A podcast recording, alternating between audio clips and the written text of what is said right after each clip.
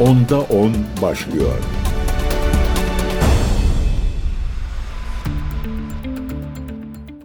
Değerli CGTN Türk takipçileri ben Gökün Göçmen On programına hoş geldiniz. Haftanın ilk mesai günündeyiz. Pazartesi günündeyiz. Hafta sonu ABD Merkez Kuvvetler Komutanlığı yaptığı açıklamada Irak ve Suriye'de İran Devrim Muhafızları ordusu ile ona müzahir, onunla birlikte paralel olarak hareket eden milis gruplarına saldırılarda bulunduğunu duyurdu. Bu saldırı neden dolayı yapıldı? 28 Ocak'ta Suriye-Ürdün sınırında e, ABD üstüne bir saldırı düzenlenmişti. Ürdün içerisinde yer alan e, Kule 22'ye dönük saldırıda insansız hava aracıyla yapılan saldırıda 3 ABD askeri hayatını kaybetmiş, onlarcası da yaralanmıştı. İşte ABD Başkanı Joe Biden başta olmak üzere ABD'li yöneticilerin e, neredeyse tamamı kendi seçtikleri zaman ve mekanlarda karşılık vermeye başlayacaklarını söylemişlerdi. İşte o saldırıların ilk halkası hafta sonunda yaşandı. CENTCOM tarafından yapılan yazılı açıklamada Suriye ve Irak'ta İran Devrim Muhafızları ordusu Kudüs gücü ile ona bağlı milis gruplarına ait en az 85 hedefin hava saldırılarıyla vurulduğu belirtildi. Saldırılarda ABD'den havalanan uzun menzilli bombardıman uçaklarının da yer aldığı ve 125'ten fazla güdümlü bombanın kullanıldığı belirtilen açıklamada hedeflenen bölgelerde kumanda ve kontrol merkezlerinin roket ve füzeler ile insansız hava araçlarının vurulduğu aktarıldı. ABD Başkanı Joe Biden da kameralar karşısına geçti ve dedi ki Ürdün'de öldürülen askerimizin cenazesine henüz katıldım ve bugün benim talimatımla birlikte ABD ordusu harekete geçti. Seçtiğimiz zaman ve mekanda hedefleri vurmaya devam edeceğiz dedi. Benzer bir açıklama ABD Savunma Bakanı Lloyd Austin'den geldi. Saldırılar henüz bir başlangıçtır dedi. 28 Ocak'ta Suriye-Ürdün sınırında hedef alındık. Bunun e, bir karşılığı olacaktır ifadelerini kullandı. E, talimatın doğrudan ABD Başkanı Joe Biden tarafından geldiğini anımsatarak Biden ABD ve koalisyon güçlerini hedef alan devrim muhafızları ordusu ile ona bağlı grupları sorumlu tutacak ilave adımlar atmamız talimatını verdi dedi. Austin buna karşı tıpkı tıpkı Biden gibi Orta Doğu'da bir savaş peşinde olmadıklarını ancak kendilerinin hedef alındığı takdirde misillemelere devam edeceklerini söyledi. Peki Irak bu saldırılara nasıl tepki verdi? Önce şuradan başlayalım. Haçlı Şabi onayladı, doğruladı kendilerine dönük bir saldırı olduğunu. Irak'ın batısında bulunuyor Haçlı Şabi. Silah depolarının ABD saldırılarında vurulduğunu belirtti. Irak'ta Nuceba hareketine bağlı Telegram hesabından yapılan paylaşımda Enbar vilayetine bağlı Akşakat bölgesinde Haçlı Şabi silah deposunun ABD saldırısına maruz kaldığı aktarıldı. Şu ana değin ABD'nin saldırılarında kaç kişinin öldüğü ya da yaralandığı konusunda bir bilgi sahibi da RB değiliz. Ancak Irak Başbakanlık askeri sözcüsü General Yahya Resul'den de sert bir açıklama geldi. E, Resul yaptığı yazılı açıklamada Irak'ın batısında Enbar'a bağlı Kayın ve sınır bölgelerinin ABD uçakları tarafından saldırıya maruz kaldığını belirterek bu saldırılar Irak'ın bölgede istikrarı sağlamaya çalıştığı bir dönemde gerçekleşti. Irak'ın egemenliği ihlal ediliyor. Irak hükümetin Irak hükümetinin çabaları baltalanmak isteniyor dedi e, General Yahya Resul yaptığı açıklamada. Söz konusu ABD saldırılarının Irak ve bölgeyi istenmeyen sonuçlara sürükleyen bir tehdit olduğuna dikkat çeken Iraklı yetkili bunun sonuçlarına herkesin katlanması gerekeceğini dile getirmiş oldu. Irak Dışişleri Bakanlığı'ndan da bir yazılı açıklama geldi. Ee, Irak Irak'taki e, Dışişleri Bakanlığı yaptığı yazılı açıklamada ABD Büyükelçisi'nin Bağdat'ta olmadığını bu nedenle maslahat güzar e, güzergahının çağrılacağı ve bakanlıkta kendisine nota verileceğini bildirdi. Saldırılar elbette sadece Irak'ta değil Suriye ile de devam etti. Ee, Suriye'de son dönemde Tenef bölgesi, Irak sınırına yakın Malikiye ilçesi, Hasekeylin'e bağlı Şedadi ilçesi ve Deirizor ilindeki ABD ordusunun konuşlandığı üstlere aidiyeti bilinmeyen silahlı insansız hava aracı ve karadan karaya atış yapabilen silahlarla bir süredir saldırılar düzenleniyor. Bölgede yani Fırat Nehri'nin doğusunda kalan Deir Zor toprakları ABD destekli terör örgütü YPG PKK'nın işgalinde il merkezi ve diğer kırsal bölgeler ise Suriye ordusu ve direniş eksenine yakın grupların kontrolünde bulunmakta. Direniş eksenine yakın gruplar Fırat Nehri'nin doğu yakasındaki ABD üslerine zaman zaman roket ve sihalarla saldırılar düzenliyor aidiyeti bilinmeyen hava araçlarıyla Deir Zor'da Fırat Nehri'nin batı yakasında İran destekli grupların bulunduğu nokta ve konvoylara da zaman zaman ABD hava saldırısı düzenlemekte. Karşılıklı saldırı sarmalının içine girmiş durumdayız. İran'dan açıklama geldi dendi ki stratejik bir hata olur bu saldırıların devam etmesi uyarısında bulundu Tahran yönetimi. Ancak burada asıl yanıtlanması gereken sorulardan bir tanesi şu. Ürdün ve Suriye sınırındaki Kule 22'ye dönük saldırı 28 Ocak'ta gerçekleşmişti. Anımsatalım ABD askerleri ölmüş, yaralanmış. Washington'dan gelen açıklamada ise bizim seçtiğimiz yer ve zamanlı misilleme yapacağız denmişti.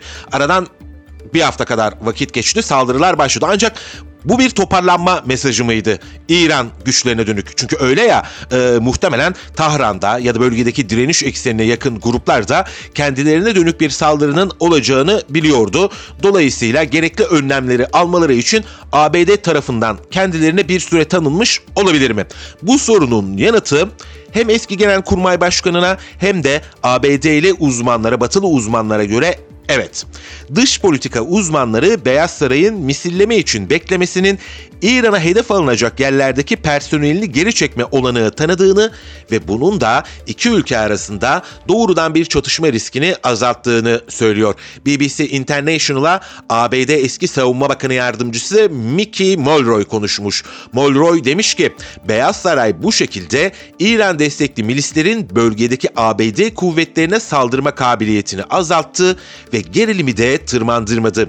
Ancak aynı zamanda bu misilleme caydırıcı olmayacaktır tahmininde bulunuyor. Mulroy bu misillemenin nihai faydasının ABD ile İran arasında doğrudan bir savaşı önlemek olacağını kaydetti ki bu az bir fayda da değil bölgeyi bir ateş sarmalına sürükler. Ee, İran ve ABD arasındaki bir savaş takdirinizdedir. Ee, Washington Körfez Ülkeleri Enstitüsü'nden Hüseyin İbiş de BBC International'a konuşmuş. Misillemenin gecikmesinin ABD'nin İran topraklarına bir saldırı yapma niyetinde olmadığını gösterdiğini söylüyor. ABD içinde ise ölçülü misilleme nedeniyle Cumhuriyetçi Partili siyasetçiler Biden'ı eleştirmekteler efendim. ABD Temsilciler Meclis Başkanı Cumhuriyetçi Mike Johnson bu misillemenin aşırı sinyal verilerek yapıldığını savundu ve ülkesinin uğradığı saldırılar karşısında caydırıcı olamayacağı öngörüsünde bulunuyor. Arkansas Senatörü Tom Cotton da sosyal medya hesabından yaptığı paylaşımda Biden'ın verdiği yanıtın sadece ayetullahları daha da cesaretlendireceğini iddia etti. Tırnak içerisinde ayetullahlar kelimesini kullandı. Senatör Mark Wayne Millen de yaptığı paylaşımda caydırıcılık yarım yamalak atılmış adımlarla sağlanmaz. Caydırıcılık yılanın kafasını koparmaktır mesajını verdi. Washington Körfez Ülkeleri Enstitüsü'nden Hüseyin İbiş, Biden yönetiminin ABD'nin daha ciddi bir çatışmaya sürüklenmesiyle ortaya çıkabilecek iç siyasi tehlikeden kaçınmaya çalıştığını savunuyor ve şu önemli yorumu yorumda bulunuyor. İran'a saldırsaydı Donald Trump gibi cumhuriyetçiler bu kez de Biden'ı savaş kışkırtıcısı olmakla suçlayacaktı. Bu bir siyasi tuzaktır. Bunu herkes anlıyor. Dolayısıyla Biden yönetimi Beyaz Saray bu tuzağa düşmeyecektir ifadelerini kullanmış. Yani Biden bir yanıt vermek zorundaydı. Evet ama o yanıtında savaşa yol açmamasını umuyordu. Doğru. Bu nedenle de hafta öncesinde dedi ki biz belirlediğimiz zaman ve mekanda saldırıda bulunacağız. Muhtemelen yani tabii kesinlikle diyebiliriz. İran'a yakın gruplarda ya da e, İran'ın bölgede bulunan askeri uzmanları da gerekli önlemleri e, almışlardır e, diye düşünüyoruz. ABD Ulusal Güvenlik Danışmanı Jack Sullivan'ın gündeminde ise Yemen'e düzenlenen saldırılar var. Dedi ki Jack Sullivan, Yemen'de düzenlediğimiz hava saldırılarıyla e, Husilerin askeri kapasitesini azalttık ancak yeni saldırılarda gerekebilir e, dedi ABD Ulusal Güvenlik Danışmanı Jack Sullivan'a. Ayrıca İran hedef alınabilir mi? Çünkü Husilere en çok İran destekliyor diye soruldu. Jack Sullivan da verdiği yanıtta bu ihtimali dışlamadıklarını dile getirdi. Ee, Jack Sullivan bu açıklamaları yapmadan önce de ABD ve İngiltere Yemen'de Husilere yönelik yeni hava saldırıları düzenlemiş 13 noktada 36 hedefin vurulduğunu duyurmuştu. Husiler ise saldırılara yanıt vereceklerini açıkladılar. Husilerin sözcüsü Tu General Amen Hayyan Twitter hesabından yaptığı paylaşımda ABD ve İngiltere'nin ortaklaşa üçüncü kez ülkelerini vurduğunu dile getirdi. Hayyan birkaç saat içinde Yemen'in başkenti Sana'da dahil 48 yerde saldırılar düzenli, düzenlendiği bilgisini paylaştı. Filistinlilere desteklerinin süreceğini vurgulayan Hayyan, bu saldırılar bizi ahlaki, dini ve insani duruşumuzdan vazgeçiremeyecek dedi. ABD ve İngiltere'nin son saldırılarında ölen ya da yaralanan olup olmadığı henüz bilinmiyor.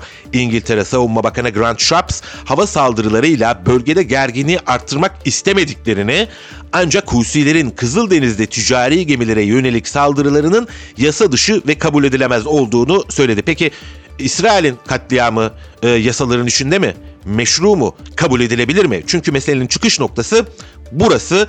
Dolayısıyla Gazze krizi bitmeden ki kısa vadede de bitecek gibi gözükmüyor. Husiler de saldırmaya devam edecekler. Zaten Tu General Amen Hayyan da yaptığı açıklamada dedi ki bu bizim insani ideolojik, ahlaki yükümlülüğümüzdür dedi.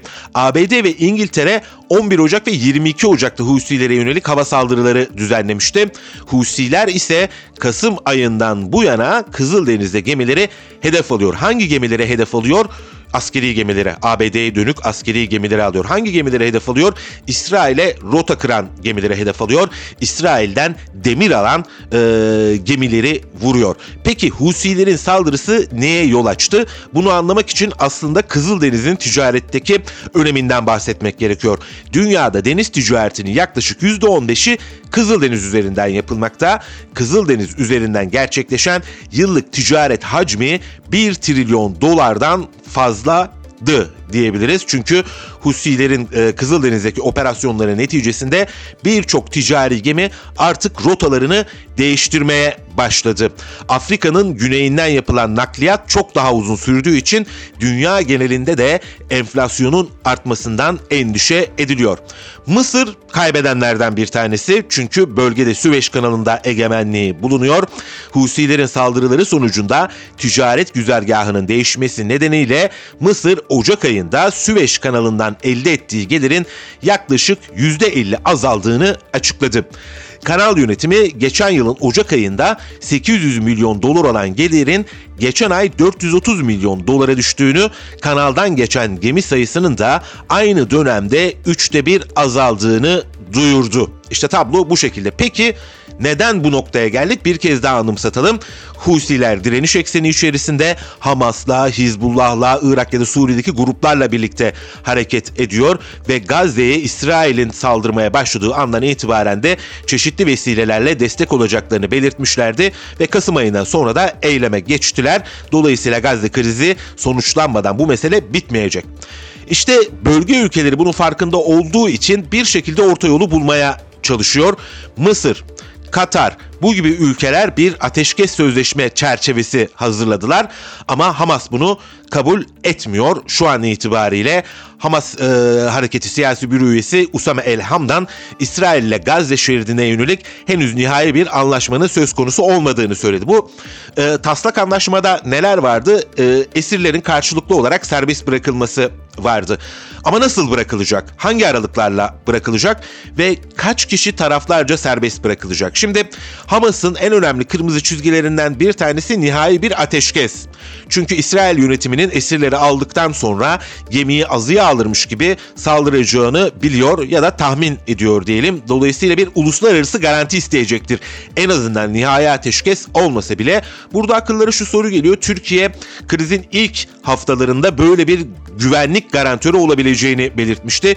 Diğer Arap ülkeleriyle birlikte acaba bu masaya gelir mi henüz bilmiyoruz. Bunlar benim öngörülerim. İkincisi e, kaç kişi karşılıklı olarak serbest bırakılacak ve kimler serbest bırakılacak?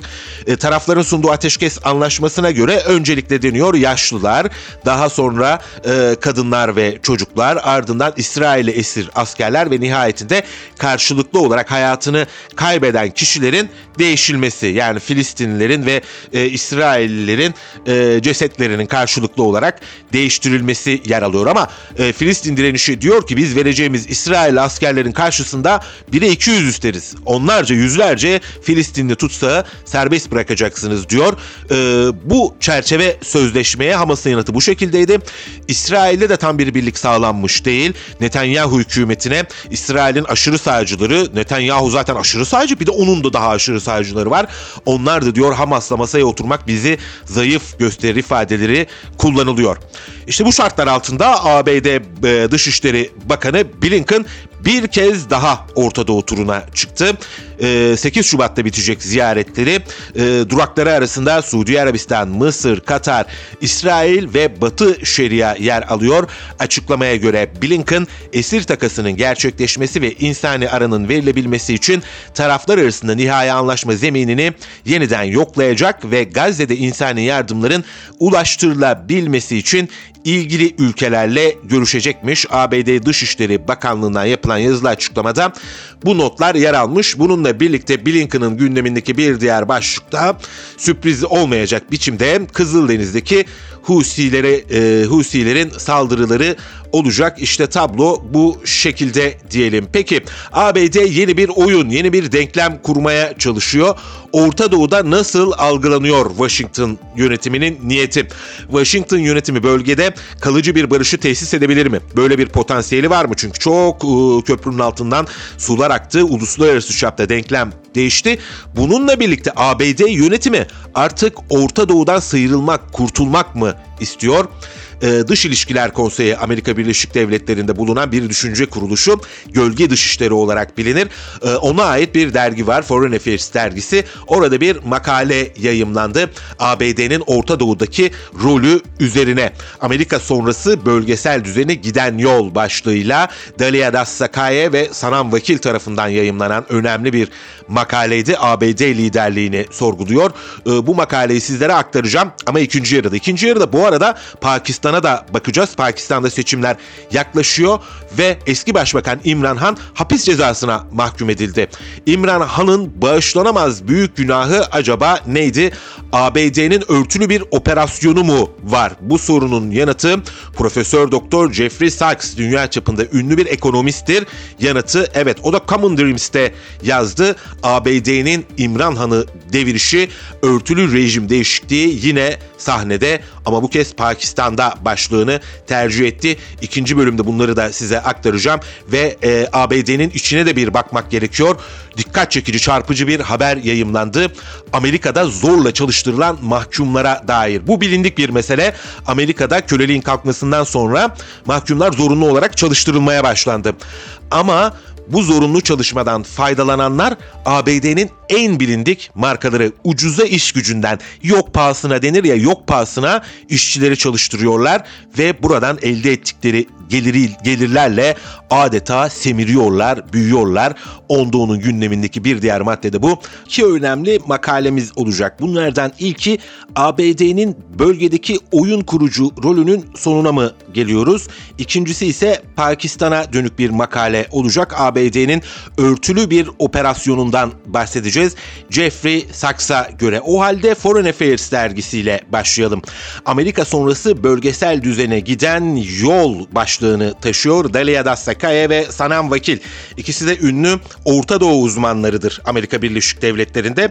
Dergide zaten Dış İlişkiler Konseyi'nin dergisi olduğu için bir kez daha önem taşıyor. Değerli arkadaşım Cansu'nun, Cansu Çevik'in e, bir çevirisi, Cansu Yiğit'in bir çevirisiydi bu.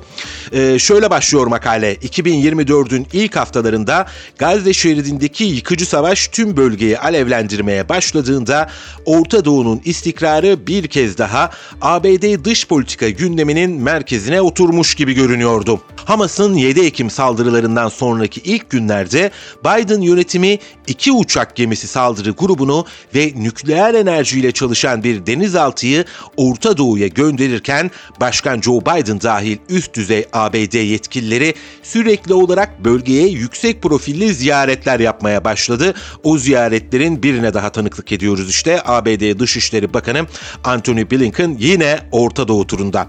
Bunların ardından diye devam ediyor makale. Çatışmanın kontrol altına alınması zorlaştıkça ABD daha da ileri gitti.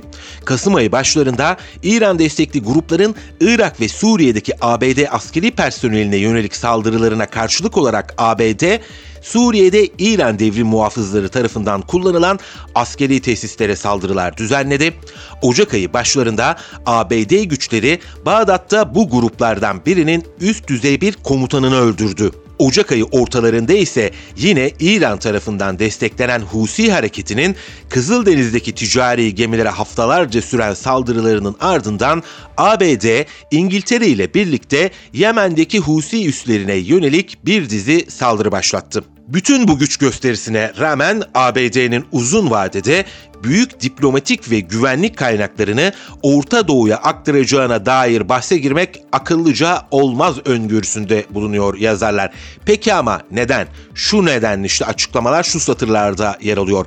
Hamas'ın 7 Ekim saldırılarından çok önce birbirini izleyen ABD yönetimleri yani gerek Obama, gerek Trump, gerekse şu anda Biden yükselen Çin'le daha fazla ilgilenmek için bölgeden uzaklaşma niyetlerinin sinyalini vermişlerdi. Obama döneminde Asya pivot teorisi ortaya atılmıştı. Trump döneminde Çin ulusal güvenlik belgelerine tehdit olarak girmişti ve Biden da bu geleneği devam ettiriyor. Ulusal güvenlik belgelerinde, strateji belgelerinde daha geçtiğimiz hafta Jack Sullivan bir konuşma yaptı. O konuşmada dedi ki kısa vadede bizim için meydan okuma Rusya olsa da uzun vadede uluslararası sistemi değiştirebilecek niyet ve kapasiteye sahip tek ülke, bakın kapasite kelimesi önemli, Çin'dir ifadelerini kullanmıştı. ABD Ulusal Güvenlik Danışmanı Jack Sullivan. İşte tüm bu nedenle, tüm bu tespitlerden dolayı e, ABD yönetimleri yükselen Çin'le daha fazla ilgilenmek için bölgeden uzaklaşma sinyalleri vermişlerdi.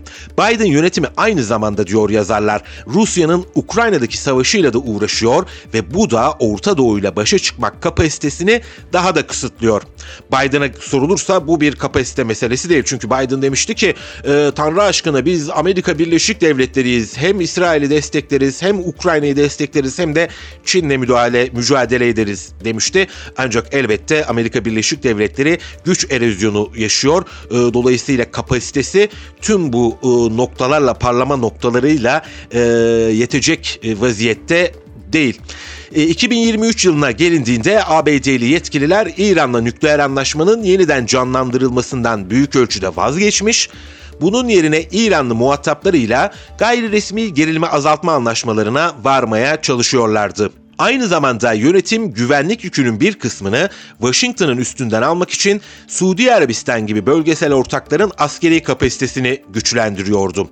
Biden'ın ABD istihbaratının Suudi gazeteci ve Washington Post yazarı Cemal Kaşıkçı'nın 2018'de öldürülmesinden sorumlu olduğuna inandığı Riyad'la iş yapma konusundaki ilk isteksizliğine rağmen Başkan Joe Biden, Suudi Arabistan ile İsrail arasındaki ilişkileri normalleştirecek bir anlaşmaya öncelik verdi etti. ABD bu anlaşmayı yaparken her iki tarafa da önemli teşvikler sunmaya hazırdı ve Filistin meselesini çoğunlukla görmezden geliyordu ta ki bu yaklaşım 7 Ekim'de Hamas tarafından alt üst edilene kadar. 7 Ekim e, meselesi tarihi Filistin meselesinin merkezi önemini doğrudan hatırlattı ve ABD'yi daha doğrudan askeri angajmana zorladı. Yine de diyor e, Foreign Affairs'ta yayınlanan makale, yine de Gazze'deki savaş Washington'ın temel politikalarında önemli bir değişikliğe yol açmadı. Yönetim İsrail'in Filistinliler için ayrı bir devlete karşı çıkmasına rağmen Suudi Arabistan'ın normalleşmesi için bastırmaya devam ediyor ki Suudiler böyle bir anlaşmayı şart koşuyor yani iki devletli çözüm. Ve ABD'li yetkililer ABD'yi Orta Doğu'daki çatışmalardan uzak tutma çabalarından vazgeçecek gibi görünmüyor. Aksine savaşın giderek karmaşıklaşan dinamikleri ABD'nin bölgeye angaja olma iştahının daha da azalmasına neden olabilir. Orta Doğu'daki taahhütlerini arttırmak da kritik bir seçim yılında Amerikan siyasi partileri için kazanan bir strateji olmayacaktır. Elbette diyor makale ABD Orta Doğu'da yer almaya devam edecek. ABD güçlerine yönelik füze saldırıları Amerikalıların ölümüyle sonuçlanırsa ya da Gazze çatışmasıyla bağlantılı bir terör saldırısı Amerikalı sivilleri öldürürse bu durum ABD yönetimini istemediği biçimde askeri angajmana zorlayabilir. Ancak ABD'nin Gazze'yi etkin bir şekilde yönetme ve kalıcı bir Orta Doğu barışı sağlama konusundaki liderliğini üstlenmek ve bunu beklemek Godoy'u beklemek gibi olacaktır diyor. Burada bir referans var. Ee, bir tiyatro eseridir Godoy'u beklemek e, hiçbir zaman gelmeyecek bir kişinin beklenmesini e, hatırlatır. E, dolayısıyla bu bir imkansızdır. Mission Impossible der ya Amerikalılar. E, dolayısıyla böyle bir itiraf yer aldı işte hafta sonu yayımlanan makalede Amerika'nın artık rolünü beklemek, e, oyun kurucu rolünü beklemek imkansızdır ifadeleri kullanılıyor. Çünkü Amerika Birleşik Devletleri artık bagajını boşaltıp Rusya ve uzun vadede özellikle Çin'le ilgilenmek istiyor. İşte tam da bu nedenle Abraham Anlaşması imzalandı e, Trump döneminde. Çünkü e, Trump ve Biden her ne kadar e, birbirlerinden iç politikada ayrılsalar da dış politikada bakmayın ulusal stratejiler ABD devlet aygıtı tarafından şekillendiriyor ve gerek Trump gerekse Biden bunlara riayet ediyor. Dolayısıyla Abraham Anlaşmalarını anımsattık. E, ABD bölgeden çekilmek ve kendince bir düzen yaratmak istiyordu. Orada da en önemli halka Arap ve İsrail normalleşmesiydi. E, bunu yapıp çekilecekti ancak 7 Ekim bu denklemi bozdu. E, bu nedenle ABD'nin liderliğini beklemek çok olası değil. Birkaç hamlenin ardından e, işleri yoluna koyduğunu düşünürse ve hatta bana kalırsa yoluna koymadan tıpkı Afganistan'dan ayrıldığı gibi apar topar bölgeden çıkmak isteyebilir. E bir de yükselen güçler var şimdi. Örneğin e, İran ve Suudi Arabistan arasındaki barış onlarca yıl e, diplomatik ilişki kurmayan birbirlerine karşı hasmane davranan taraflar bir anda Pekin'de buluştular ve barış anlaşması imzaladılar. E, burada kimin rolü var elbette? Beijing'in, Pekin'in rolü vardı. E, dolayısıyla bölgedeki yeni aktörler kendilerine de ciddi manada yol açmış durum, durumdalar ki bu makalede de zaten şöyle bir itiraf daha vardı. Amerika Birleşik Devletleri, İran ve Suudi Arabistan normalleşmesinin herhangi bir yerinde, herhangi bir noktasında yer almadı diye. Pakistan'a geçeceğiz demiştik, söz vermiştik. Amerika Birleşik Devletleri'nin İmran Han'ı devirişi. Örtülü rejim değişikliği yine sahnede bu sefer Pakistan'da başlığıyla yayımlanan makalenin yazarı dünyaca ünlü profesör, Amerikalı profesör Jeffrey Sachs Common Dreams sitesinde yazdı bu makaleyi.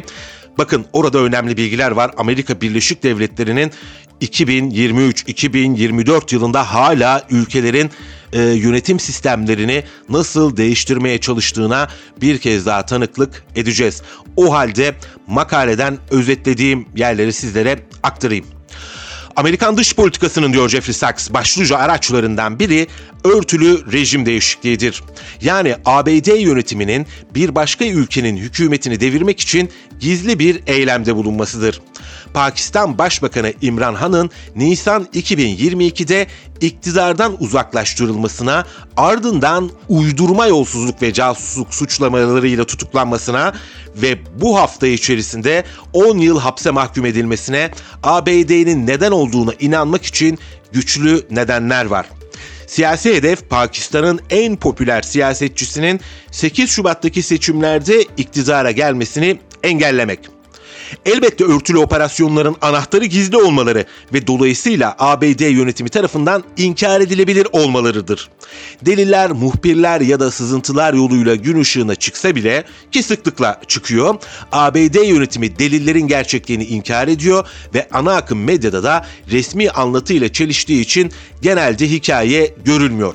Bu neden peki kaynaklanıyor? Bunun iki tane nedeni var. Ana akım yayın organlarındaki editörler sözüm ona komple teorileri satmak istemiyorlar ama daha da önemlisi resmi makamlara hoşnut gözükmek istiyorlar. Bu nedenle ABD'nin Pakistan'da gerçekleştirdiği örtülü operasyon çok fazla gündeme gelmiyor. Buna karşın ABD'nin örtülü rejim değişikliği şaşırtıcı derecede rutin hale geldi. Boston Üniversitesi profesörü Lindsay O'Rourke tarafından yapılan yetkin bir çalışma sadece Soğuk Savaş döneminde 1947 ve 1989 aralığında ABD tarafından gerçekleştirilen 64 örtülü rejim değişikliği operasyonu sayıyor ve aslında bu sayı sanıldığından çok daha fazla. Tüm bunlar bizi delillerin ABD öncülüğündeki rejim, rejim değişikliğine güçlü bir şekilde işaret eden Pakistan'a getiriyor.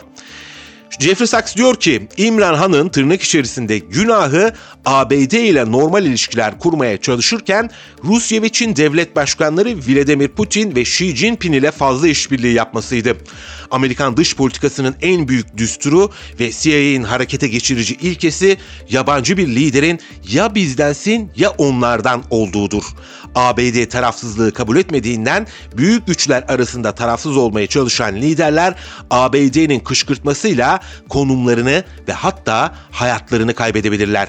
Patrice Lumumba Zaire'de, Norodom Sihanouk Kamboçya'da, Viktor Yanukovych Ukrayna'da ve daha pek çok lider ABD yönetiminin artık pek de gizli olmayan müdahaleleriyle devrilmişti. Gelişmekte olan dünyadaki pek çok lider gibi Han da Ukrayna Savaşı nedeniyle ABD ya da Rusya ile ilişkilerini bozmak istemiyordu. Önceden planlanmış bir tesadüf sonucu Han, Rusya'nın özel askeri harekatı başlattığı 24 Şubat 2022'de Putin ile görüşmek üzere Moskova'da bulunmaktaydı. Başından beri Han, Ukrayna'da çatışmanın savaş alanında değil, müzakere masasında çözülmesi gerektiğini savundu. ABD ve AB Putin'e karşı hizaya gelmesi ve Batı'nın Rusya'ya yönelik yaptırımlarını desteklemesi için Han'ın da aralarında bulunduğu yabancı liderlere baskı yaptı ve Han direndi. Anımsıyorum o zaman batılı büyükelçiler bir araya girip e, İmran Han'a baskı yapmışlardı bir sömürge valisi edasıyla. Han 6 Mart'ta Pakistan'ın kuzeyinde büyük bir miting düzenleyerek muhtemelen kaderini belirlemişti diyor Jeffrey Sachs. Meetingde Batı'yı ve özellikle de Birleşmiş Milletler'deki oylamada Rusya'yı kınaması konusunda kendisine baskı yapan 22 AB temsilcisini azarlamıştı. Ayrıca NATO'nun yanı başındaki Afganistan'a da teröre karşı yürüttüğü savaş nedeniyle Pakistan'ın hedef gösterilmesine karşı çıkmıştı. Han tezahürat yapan kalabalığa ABD temsilcileri bize mektup yazarak Rusya'yı kınamamızı ve onların aleyhinde oy kullanmamızı istediler. Bizim hakkımızda ne düşünüyorsunuz? Biz sizin köleniz miyiz ki siz ne dersiniz onu yapacağız.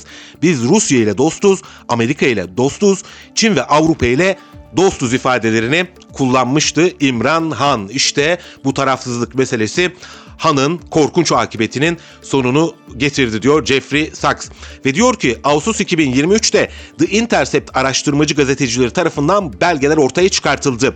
Han'ın mitinginden sadece bir gün sonra Güney ve Orta Asya İşleri Bürosu'ndan sorumlu Dışişleri Bakan Yardımcısı Donald Lu, Pakistan'ın ABD Büyükelçisi Asa, e, Azat Macit Han ile Washington'da bir araya geldi. Görüşmenin ardından Büyükelçi Han İslamabad'a gizli bir telgraf gönderdi ve bu telgraf daha sonra Pakistanlı askeri yetkililer tarafından kamuoyuna sızdırıldı.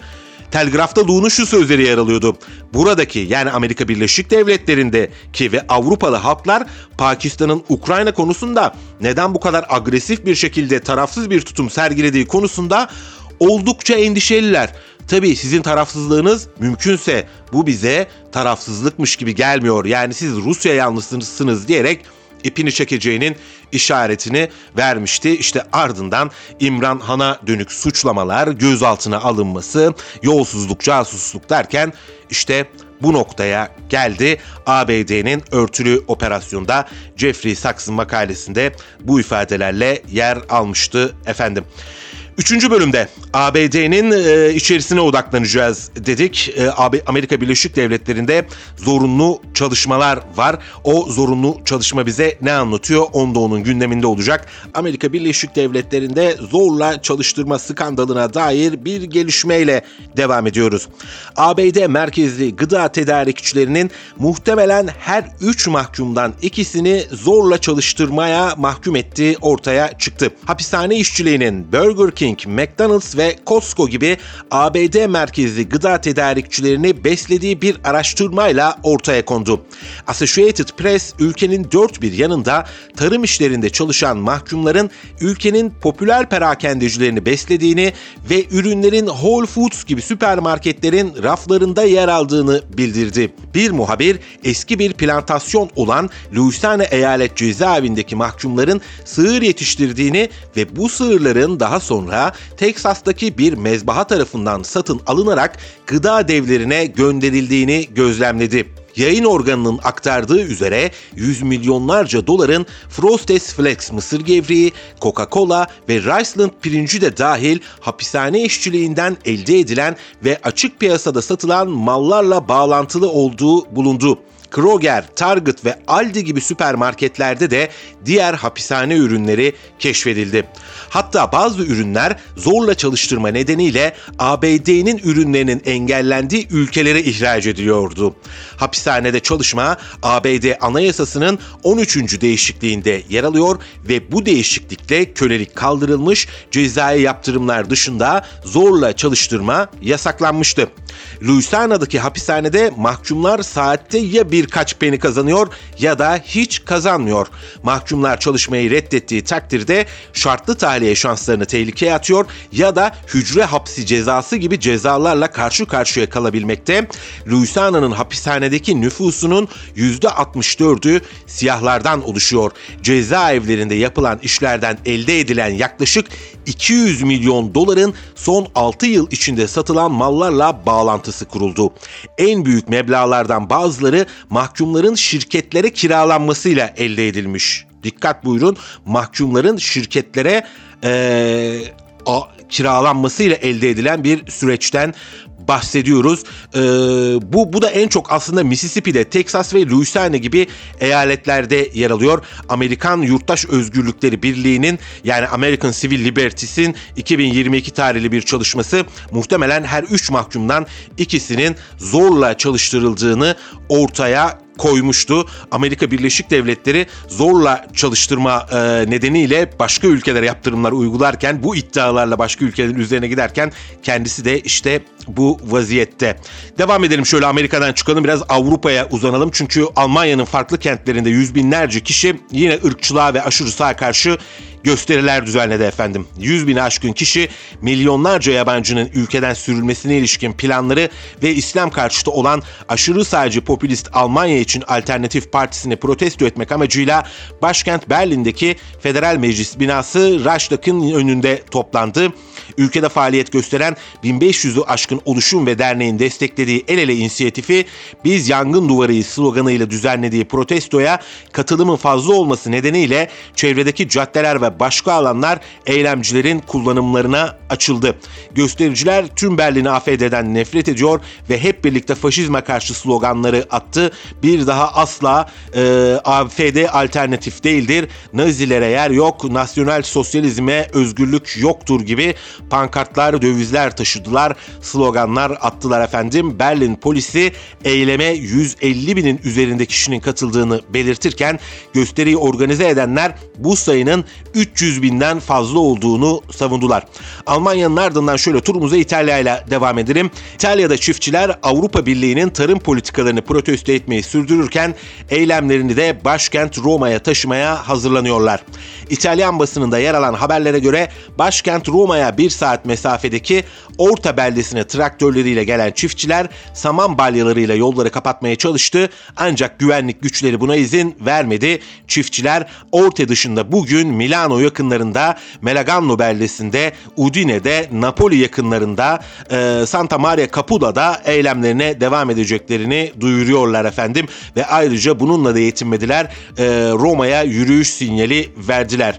Basında çıkan haberlerde çiftçilerin eylemleri nedeniyle fiyat artışları karşısında Meloni liderliğindeki sağ koalisyon hükümeti bazı vergileri erteleme ya da almama gibi çeşitli uygulamalara gideceğinin de sinyalini vermiş. İtalya'dan biraz daha bizim toprakları Yunanistan'a yaklaşalım. Komşuda da Selanik'te de çiftçiler hükümetten destek talebiyle traktörleriyle eylem yaptılar. Selanik Uluslararası Fuar Merkezi'nde düzenlenen Akrotika Fuarı alanı önünde traktörleriyle toplanan çiftçiler hükümetle diyalog kurmak istediklerini belirterek üretim üretimde kullanılan elektrik, mazot ve diğer girdi fiyatlarının düşürülmesini talep ettiler. Arıcılar, besiciler ve balıkçılar da e, Yunan çiftçilerin eylemlerine devam e, destek vermişler. Eylemler devam edecek gibi gözüküyor. Avrupa Birliği genelinde özellikle çiftçiler eylemler yapacaklar. E, eylemlerin bir başka adresi ise Latin Amerika'da Arjantin. Arjantin'de hükümet karşıtı protestolarda güvenlik güçlülerinin müdahalesi sonucu 60 kişi yaralanmış. Ulusal basında çıkan haberlere göre devlet başkanı Javier Milei'nin çıkarmaya çalıştığı torba yasayı protesto etmek isteyen göstericiler başkent Buenos Aires'teki kongre meydanında polisle çatıştı. Çıkan olaylarda 60 kişi yaralandı, 6 kişi gözaltına alındı. Polisin sıktığı göz yaşartıcı gazdan basın mensupları da olumsuz yönde etkilenmiş. Devlet Başkanı Milei daha önceki açıklamalarında ülkenin ekonomik anlamda zor bir dönemden geçtiğini belirtmiş ve radikal kararlar alınacağını açıklamıştı. Arjantin'in içinde bulunduğu ekonomik krizden çıkabilmesi için Milei şok tedavisine ihtiyaç duyduklarını söylüyor. E, kamu harcamalarını kısacak, özelleştirmelere hız verecekmiş. Arjantin'de tablo bu şekilde. Bir başka Latin Amerika ülkesi Şili'de ise gündem orman yangınları.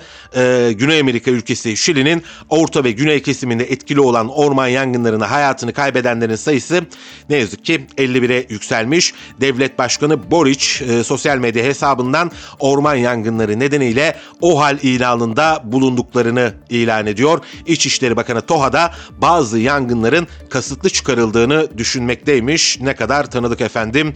Gez dünyayı, gör Türkiye'yi şeklinde e, bir dünya turu yapmış olduk.